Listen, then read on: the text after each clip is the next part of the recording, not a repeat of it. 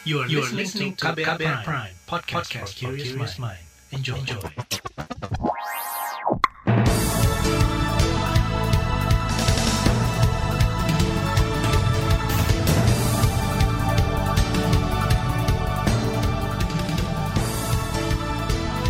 Selamat pagi saudara, senang sekali kami bisa menjumpai Anda kembali melalui program Buletin Pagi edisi Senin 28 Juni 2021 bersama saya Naomi Liandra. Sejumlah informasi pilihan telah kami siapkan di antaranya percepatan vaksinasi yang aman dari penularan COVID-19. Diskon hukuman Pinangki, Komisi Yudisial diminta turun tangan. Sisir persembunyian MIT, Satgas Madagoraya temukan atribut ISIS. Terbaru di Buletin Pagi. Pemerintah menyebut vaksinasi COVID-19 telah mencapai jumlah 1,3 juta dosis per hari. Capaian itu didapat dari banyaknya pemerintah menggelar vaksinasi massal. Hanya saja, tingginya antusiasme pelaksanaan vaksinasi massal ini sempat menyebabkan penumpukan antrian yang dikhawatirkan menjadi klaster penularan COVID-19 baru. Salah satunya di Gelora Bung Karno, Jakarta. Juri bicara vaksinasi dari Kementerian Kesehatan Siti Nadia Tarmizi memastikan pelaksanaan vaksinasi massal di sentra vaksinasi berjalan sesuai aturan. Kita memastikan bahwa proses pelaksanaan vaksinasi itu betul-betul diatur oleh petugas uh, dengan menjalankan protokol kesehatan. Artinya selama ini kan kita sudah uh, ada sentra-sentra vaksinasi yang memberikan vaksinasi itu kan uh, satu hari itu lebih dari 300, lebih dari 500 ya.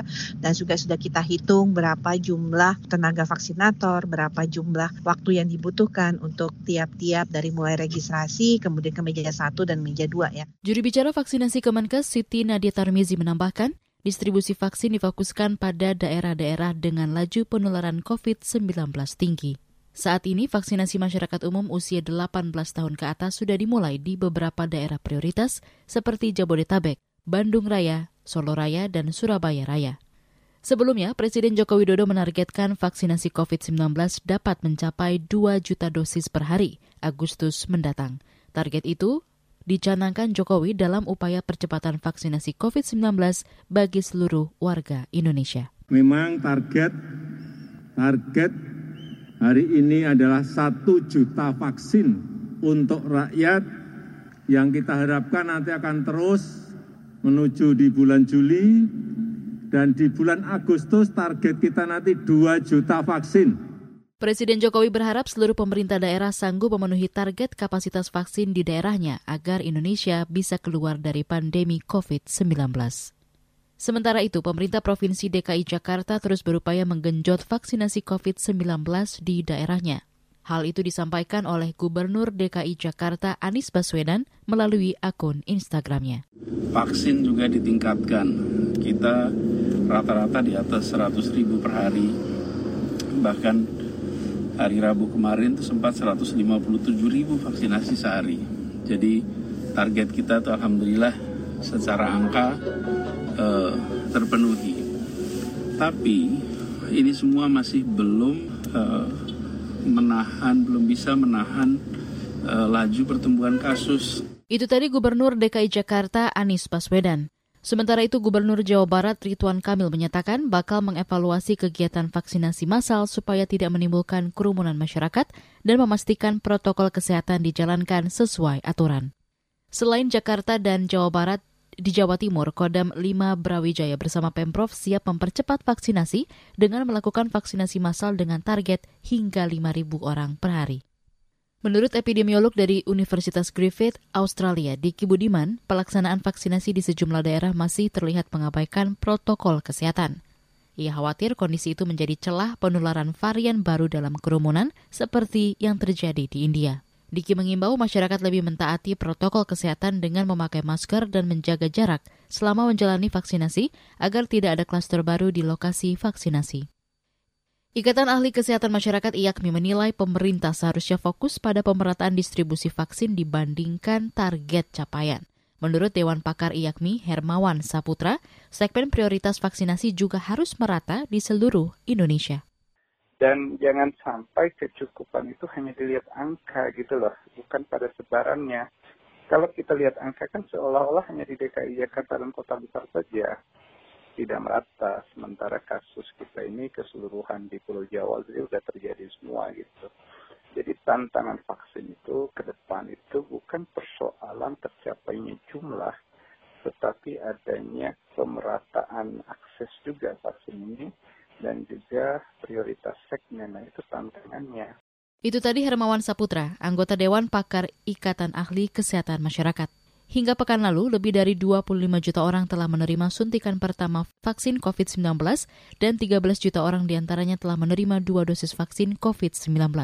Pemerintah menargetkan vaksinasi COVID-19 menjangkau 181,5 juta penduduk Indonesia.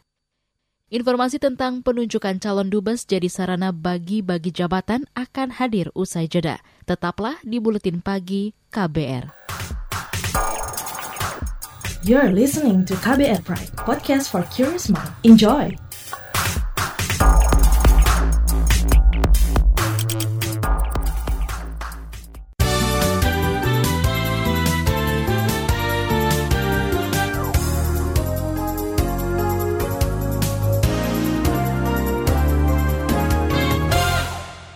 Anda sedang mendengarkan buletin pagi KBR. Saudara, Ikatan Dokter Anak Indonesia IDAI meminta pembelajaran tatap muka atau PTM ditunda dan disetop di tengah melonjaknya kasus COVID-19.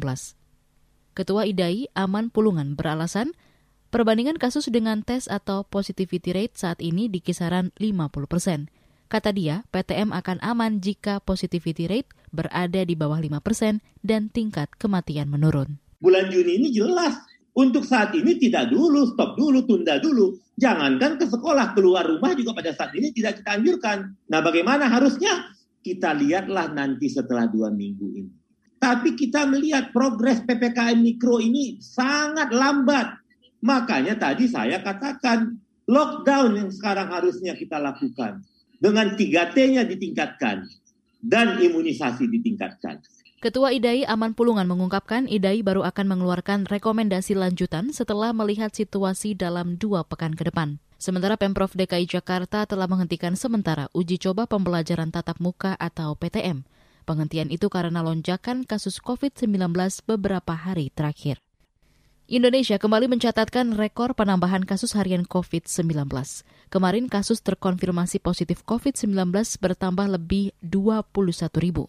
Provinsi DKI Jakarta mencatat penambahan kasus terbanyak, yaitu hampir 9.400 kasus, diikuti Jawa Barat dengan hampir 4.000 kasus, dan Jawa Tengah 2.200-an kasus. Sementara total kasus positif saat ini mencapai 2,15 juta kasus. Anggota tim Satgas COVID-19, Dewi Nur Aisyah menyebut persentase kenaikan kasus COVID-19 Indonesia di atas rata-rata dunia. Hingga akhir pekan kemarin, sebanyak 29 provinsi mengalami tren kenaikan kasus aktif dan 5 provinsi mengalami penurunan kasus aktif.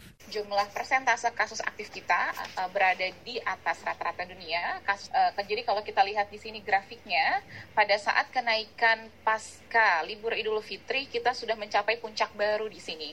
Kalau sebelumnya kita memiliki puncak pasca libur Natal dan Tahun Baru pada tanggal 5 Februari sebesar 176 ribu kasus, sedangkan pada saat ini uh, kasusnya jauh lebih tinggi lagi. Sekarang kita masih berada di puncak karena saat ini kita berada di angka 194 ribu atau lebih tinggi 18 ribu dari puncak yang sudah pernah ada pas libur uh, Natal dan Tahun Baru yang lalu. Kemudian kalau kita lihat di sini dalam satu minggu terjadi peningkatan jumlah kasus aktif bahkan belum satu minggu baru enam hari terakhir terjadi peningkatan jumlah kasus aktif yang sangat besar di angka 52.057. Ini adalah kenaikan jumlah kasus aktif tertinggi yang pernah ada di Indonesia. Anggota tim Satgas COVID-19 Dewi Nur Aisyah menambahkan, selain provinsi di Pulau Jawa, daerah lain seperti Kalimantan Timur, Sulawesi Selatan, Papua, Sumatera Utara juga mengalami kenaikan kasus aktif COVID-19. Beralih ke berita politik, penunjukan sejumlah nama calon duta besar Indonesia oleh Presiden Joko Widodo dinilai sebagai sarana bagi-bagi jabatan, sekaligus akumulasi keuntungan bagi kelompok oligarki. Pakar hukum tata negara Bivitri Susanti menduga sejumlah nama yang menjadi calon dubes ini merupakan bagian dari kelompok oligarki di tanah air. Yang baru saja agak heboh barangkali di berbagai WhatsApp grup soal bagaimana bagi-baginya bahkan untuk jabatan duta besar yang baru saja ditunjuk-tunjuk ya, ada orang-orang yang merupakan bagian dari oligarki. Kita tahu persis, tak usah uh, disebut nama, ada beberapa di situ yang apa memiliki perusahaan atau terkait dengan perusahaan atau organisasi pengusaha dan lain sebagainya yang ya dibagi-bagi begitu jabatan-jabatan. Pakar Hukum Tata Negara di Sekolah Tinggi Hukum STH Indonesia Jentera Bivitri Susanti menjelaskan, kelompok oligarki hakikatnya ingin mengakumulasi lebih banyak dan mengamankan kekayaan. Kata dia, kelompok oligarki dan jaringannya merasa nyaman dan menginginkan status quo terus berlanjut. Sebelumnya, Presiden Jokowi mengajukan 33 nama calon dubes untuk negara sahabat ke DPR.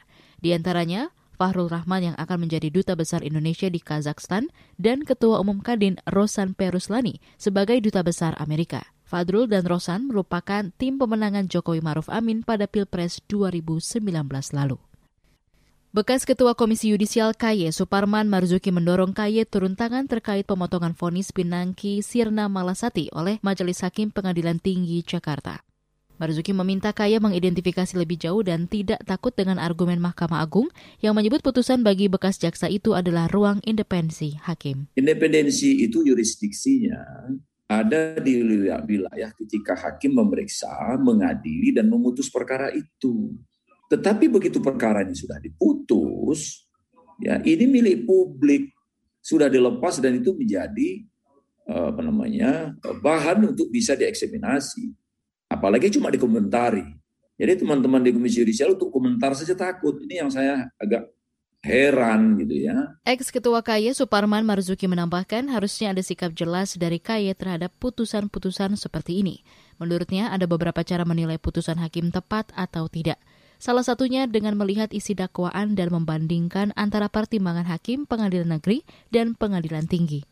Sebelumnya, Pengadilan Tinggi DKI Jakarta memotong hukuman terhadap ex-jaksa Pinangki atas kasus penerimaan suap, pemufakatan jahat, dan pencucian uang dari 10 tahun menjadi 4 tahun penjara. Beralih ke berita ekonomi. Ekonom menyesalkan sikap pemerintah yang bebal dan abai terhadap kritikan terkait beban pembayaran utang yang bermasalah. Ekonom dari Universitas Bung Karno I. Gede Sandra menyebut, Indonesia saat ini tengah terjerat bunga utang yang tinggi.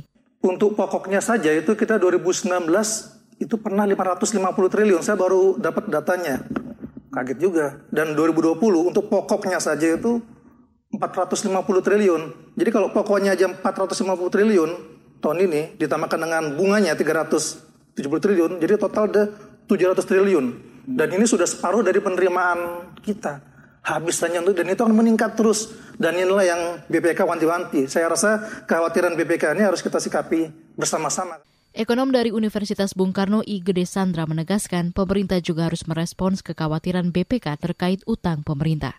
Sebelumnya dalam audit laporan keuangan 2020, BPK meminta pemerintah mewaspadai penambahan utang dan biaya bunga yang telah melampaui pertumbuhan produk domestik bruto atau PDB dan penerimaan negara. Kita ke mancanegara, Malaysia akan memperpanjang masa penguncian nasional atau lockdown demi mencegah penyebaran COVID-19. Dikutip dari Reuters, Perdana Menteri Malaysia Muhyiddin Yassin mengatakan aturan terkait penguncian wilayah tidak akan dilonggarkan sampai kasus harian turun di bawah 4.000. Belum diketahui durasi dari aturan penguncian wilayah baru itu. Akhir pekan lalu, Malaysia melaporkan sekitar 5.800-an kasus COVID-19. Pemerintah Thailand mengumumkan pembatasan baru yang berlaku di sekitar ibu kota selama 30 hari mulai hari ini. Pembatasan baru itu menjadi upaya Thailand mengatasi memburuknya kasus COVID-19 di negaranya. Dalam pembatasan itu, pemerintah Thailand melarang warga makan di restoran di kota Bangkok dan lima daerah sekitarnya – Selain itu, pusat perbelanjaan harus ditutup pukul 9 malam dan melarang kegiatan yang melibatkan lebih dari 20 orang. Akhir pekan lalu, Perdana Menteri Thailand Prayut Chan Ocha menjelaskan, pemerintah menargetkan pembatasan untuk bisnis dan kegiatan tertentu untuk mengurangi penularan dan menghindari lockdown atau penguncian wilayah. Beralih ke berita olahraga. Fabio Quartararo menjadi pemenang di MotoGP Belanda 2021 dengan mengalahkan Maverick Vinales di sirkuit Assen kemarin.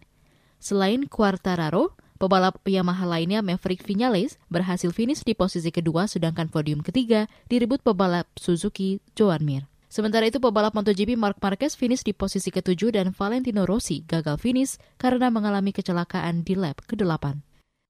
Saudara, sesaat lagi kami hadirkan saga KBR yang mengulas penolakan perkawinan anak melalui teater di utara Jakarta. Tetaplah di Buletin Pagi.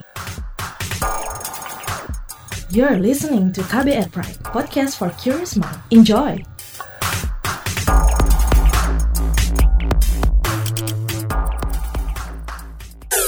Commercial break.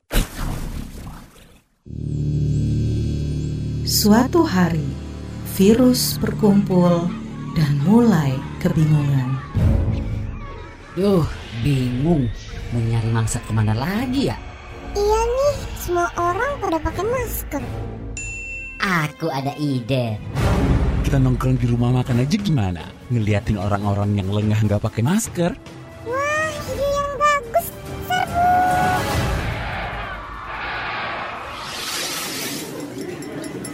Hati-hati makan bersama saat pandemi. Sebaiknya pilih ruang terbuka, tetap jaga jarak kamu 1,5 meter jika duduk bersebelahan, 2 meter jika berhadapan. Batasi waktu makan bersama 30 menit saja dan jangan berbicara saat makan. Jika sudah selesai, gunakan kembali maskermu ya.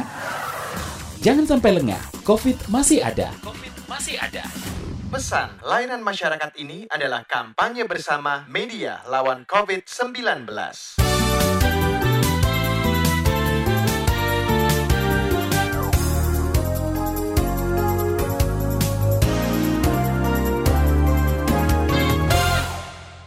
Anda masih bersama kami di Buletin Pagi KBR. Pandemi COVID-19 memperburuk hak anak. Komnas Perempuan mencatat perkawinan anak pada 2020 mencapai 64 ribuan kasus. Angka ini naik hampir tiga kali lipat ketimbang tahun sebelumnya.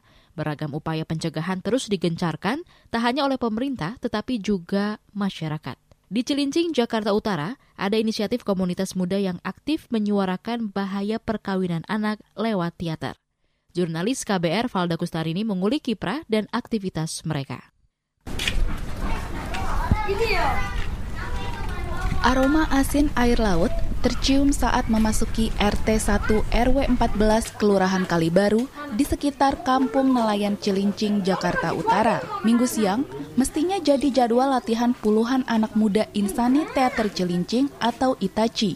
Namun, karena pandemi, rutinitas ini terganggu.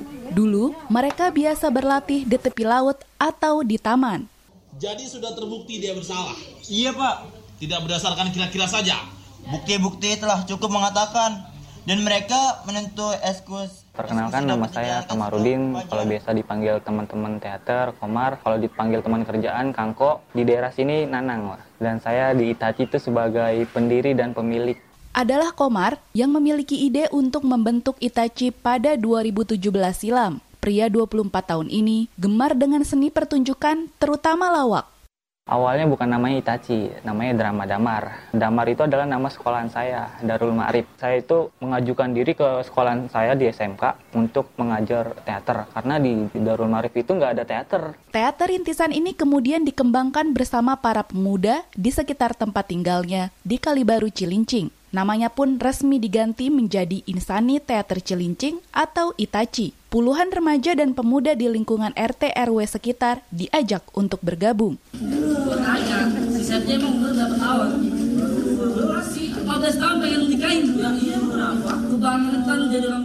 Festival Lenong Jakarta 2018 menjadi debut pertama teater Itachi. Mereka membawakan lakon berjudul Kawin Anak. Ide ceritanya muncul dari salah satu anggota Itachi. Waktu itu Bang Andre sendiri pernah ikut salah satu seminar dari Yayasan Rumah Kitab. Dia mengangkat perkawinan anak juga. Kita membawakan cerita ini untuk festival gitu. Itachi terbentuk itu juga pertama kali kita ikut lomba dan alhamdulillah kalah.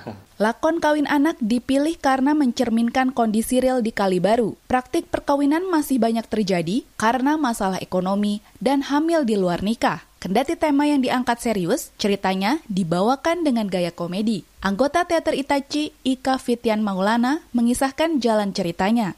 Pasangan suami istri Betawi memiliki dua orang anak, Septi dan Adit. Bapaknya Septi ini punya persoalan tentang utang dan di mana-mana gitu. Sehingga terpikirlah untuk menjodohkan anaknya Di situ klimaks emosinya Septi meningkat sehingga dia lari dari acara pernikahan itu dan Pak RT sebagai karakter yang kita jadikan sebagai solusi mensosialisasikan tentang tidak baiknya terjadi pernikahan dini gitu. Teater Itachi kemudian bermitra dengan Yayasan Rumah Kita Bersama atau Kitab untuk menggarap isu perkawinan anak dan problem sosial lainnya. Itachi beberapa kali mementaskan drama soal kawin anak di sejumlah acara seperti 17-an dan Maulid Nabi. Mulai mendapat banyak sekali relasi gitu dari pertunjukan kita di sana dan akhirnya muncullah Rumah Kitab. Kita ada 5 sampai 6 kali pertunjukan yang membawa cerita ini. Kiprah Itachi mendapat dukungan pengurus RT RW dan warga. Banyak orang tua yang malah mendorong anak-anak mereka ikut teater Itachi. Alhasil, Itachi sekaligus menjadi sarana edukasi bagi kaum muda tentang bahaya pernikahan anak. Pendiri Itachi, Kamarudin. Kita juga bilang ke teman-teman anggota kita sendiri, terutama jangan pernah nikah cepat-cepat kalau fisik dan mentalnya belum terlalu kuat. Aku pernah mengulang satu tangan dengan gambar mawar merah untuk seseorang. Dia juga suka mengisap cangkong sambil. Kreativitas Itachi tak berhenti di tema kawin anak. Pada Festival Teater Jakarta 2019, mereka mementaskan teater berjudul Ruang Tunggu, adaptasi naskah karya budayawan Betawi Zen Hae. Kali ini, Itachi berhasil membawa pulang dua trofi. Ika Fitian Maulana saat itu menjadi sutradaranya akhirnya menjadi titik baliknya juga buat teater Itachi dengan penghargaan pertamanya yaitu grup Harapan 2 lalu aktor pembantu wanita terbaik. Bagi Ika, Itachi tak hanya sebatas wadah edukasi, tetapi juga pengembangan diri. Pria 23 tahun ini berkesempatan mengasah kemampuannya memimpin pementasan. Saya melihat komunitas ini sebagai keluarga kedua karena mereka tuh mencintai kelompok ini gitu. Sehingga saya nyaman di sini. Tekad serupa juga dimiliki pendiri Itachi Kamarudin. Ia ingin teater yang lahir di Gang Sempit Kalibaru ini konsisten dan makin berkembang. Komar juga berharap Itachi mampu jadi wadah kaum muda setempat untuk berkarya dan melakukan perubahan positif bagi lingkungan. Tahun 2021 ini ada FTJU Festival Teater Jakarta Utara. Saya sih untuk Itachi ke depannya biar bisa ditambah kenal di wilayah dulu. Membangkitkan nama wilayah Cilincing karena di Cilincing itu dicap buruk gitu. Jadi saya pengen merubah pola pikir seseorang bahwa Cilincing itu nggak semuanya begitu. Demikian Saga KBR. Saya Valda Kustarini. Informasi dari berbagai daerah akan hadir usai jeda. Tetaplah bersama Buletin Pagi KBR. You're listening to KBR Pride, podcast for curious mind. Enjoy!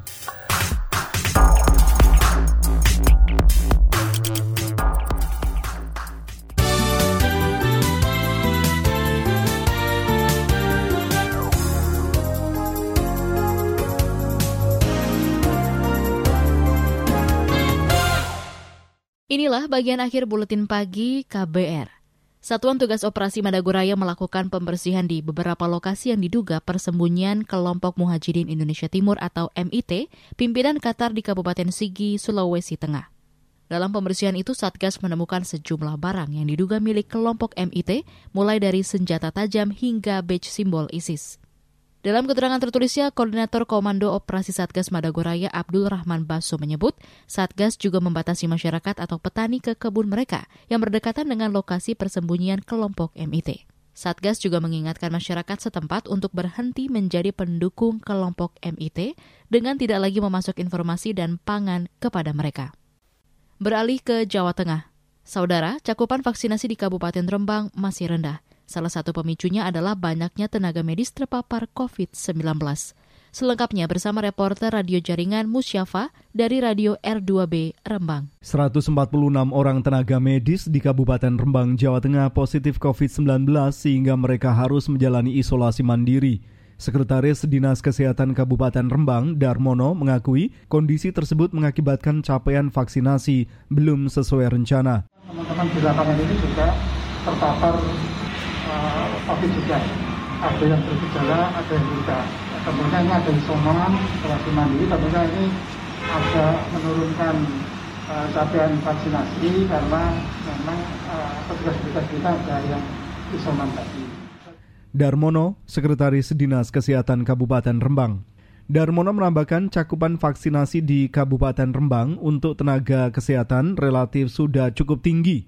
Yang paling rendah adalah warga lanjut usia karena suntikan pertama baru 29 persen, sedangkan suntikan kedua menurun menjadi 16 persen.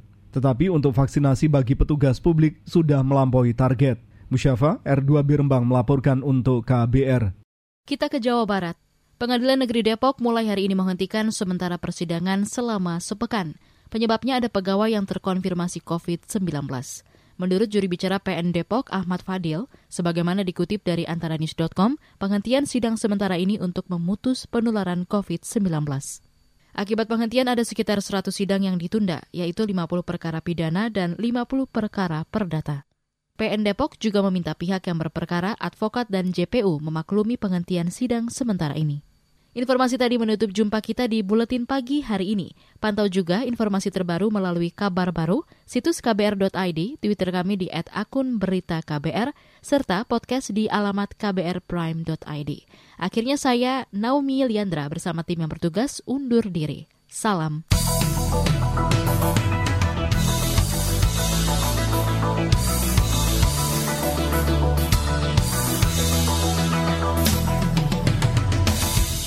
KBR Prime, cara asik mendengar berita. KBR Prime, podcast for curious mind.